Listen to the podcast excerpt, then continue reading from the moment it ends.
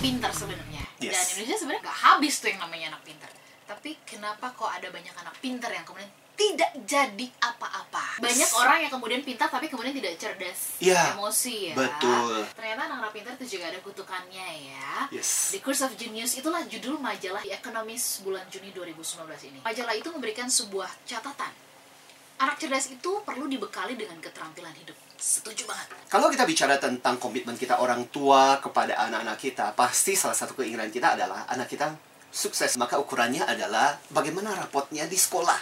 Rapotnya sekolah bagus, maka kita menganggap bahwa oke, berarti anak kita sukses, anak kita berhasil. Buat saya menarik itu, kenapa majalah ekonomis yang notabene bicara mengenai pergerakan pasar, Betul. bicara mengenai tren ekonomi. Yang menarik dari majalah itu, kalau artikel itu kita baca dengan lengkap, berisi interview terhadap anak-anak yang dimasukkan kategori genius itu, dan para pakar psikologi juga, dan mereka-mereka yang meneliti tentang perkembangan. Jadi yang menarik dikatakan begini, anak-anak ini ternyata punya masalah.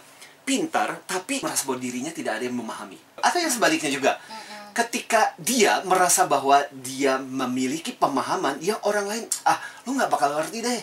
Lu level lu nggak nyampe sama gue deh. Dan akhirnya kemudian itu juga menyebabkan akhirnya dia menjadi sendirian. Salah satu yang menarik dari penelitian terhadap anak-anak jenius ini adalah otak mereka aktif. Neuron mereka, transmitter mereka begitu aktifnya dan mereka butuh stimulasi dan mereka butuh tantangan. Itu yang menyebabkan beberapa hasil penelitian menunjukkan bahwa anak-anak jenius ini justru akhirnya jadi pemakai obat-obatan. Kepada para orang tua, jangan berpikir ketika anak kita nilainya rapotnya bagus, rankingnya 1, 2, 3, maka anakmu tidak ada masalah. Betul. Kita tidak pernah tahu pergumulan batin di balik itu semua bisa jadi membawa banyak beban. Tapi ada satu hal yang mungkin jadi perhatian buat kita sebagai orang tua. Anak-anak pintar itu kadang-kadang bertanya tentang eksistensial yang kadang-kadang melampaui batas spiritual yang luar biasa. Sampai-sampai parahnya adalah bisa akhir kemudian berujung jadi ateis. Atau kemudian akhirnya mengatakan, saya agnostik.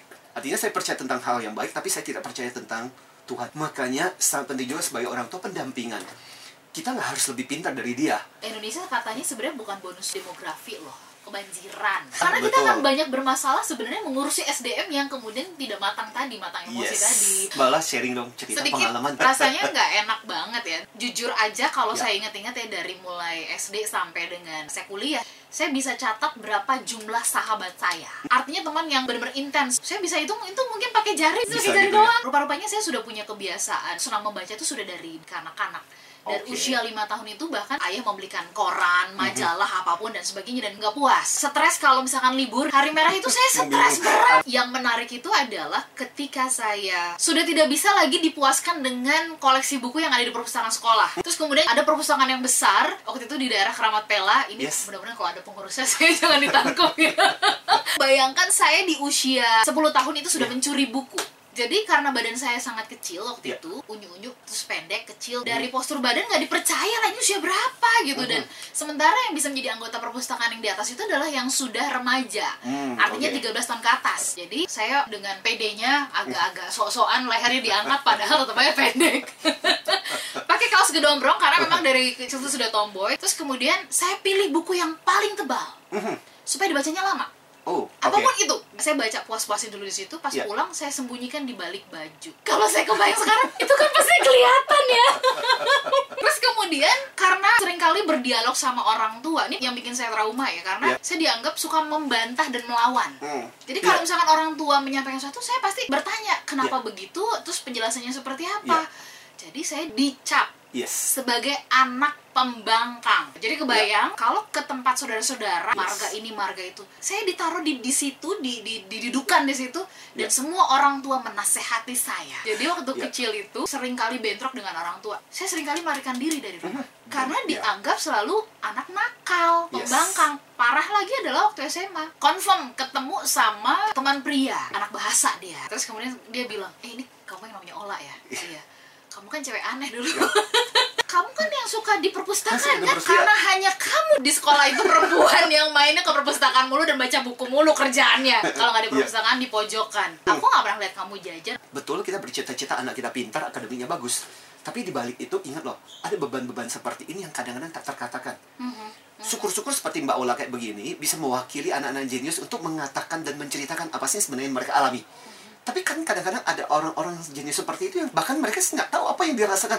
Cuma tahu-tahu mereka merasa depresi merasa buntu merasa bingung dan itu menjadi super stres satu terjadi karena over expectation karena dia pintar. Jadi orang tua lantas harusnya anak gue bisa dong seperti ini. Ingat loh beberapa di antara mereka masih anak-anak ada beberapa yang cuma remaja. Mereka juga butuh kehidupan normal.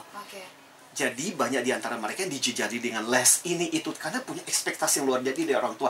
Akhirnya kemudian justru menambah stres. Bisa juga karena dengan kondisi seperti itu anak-anak kemudian jadi sarana pemenuh ambisi orang tuanya. Ditambah dengan lingkungan sekolah, guru yang juga menjadikan itu sebagai salah satu ukuran kesuksesan sebuah sekolah adalah ketika ranking pendidikan nilai rapor Angka, ya. angka Semua bagus. angka. Ada empat if yang mesti kita waspada dari anak-anak pintar kalau pendidikan karakternya tidak terbantu, satu anak-anak ini bisa menjadi anak-anak yang manipulatif. Ada satu film yang saya, saya sangat rekomendasikan untuk ditonton. Film dari Thailand.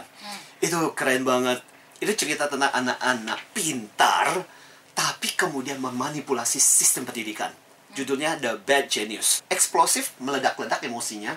Karena kadang-kadang nggak terpenuhi kan. Self-destructive artinya ketika segala sesuatu dia bingung dalam kondisi susah, akhirnya kemudian lari ke obat-obatan dan sebagainya menjadi sesuatu yang tidak terlalu asing buat mereka. Dan negatif. Nah kalau kita biasanya nonton film, cerita-cerita, novel dan sebagainya, sering kali yang kita temukan adalah penjahat-penjahat yang paling luar biasa ada penjahat yang pintar. Makanya penting keseimbangan. Pertama-tama adalah keseimbangan antara otak kiri dengan otak kanan. Keseimbangan kedua yang saya masukkan adalah keseimbangan personal dan interpersonal. Berarti kalau cerdas itu kan biasanya mereka bagus untuk pribadi mereka. Tapi kadang-kadang ketika tidak punya teman, orang tua yang harus jadi sparring partner buat mereka. Bahkan memahami, bahkan perlu menjadi stimulator buat mereka. Anak distimulasi untuk tingkat yang lebih tinggi. Get into the word lah. Kalau kita di NLP, EQ itu kan selalu mengatakan pacing dan leading.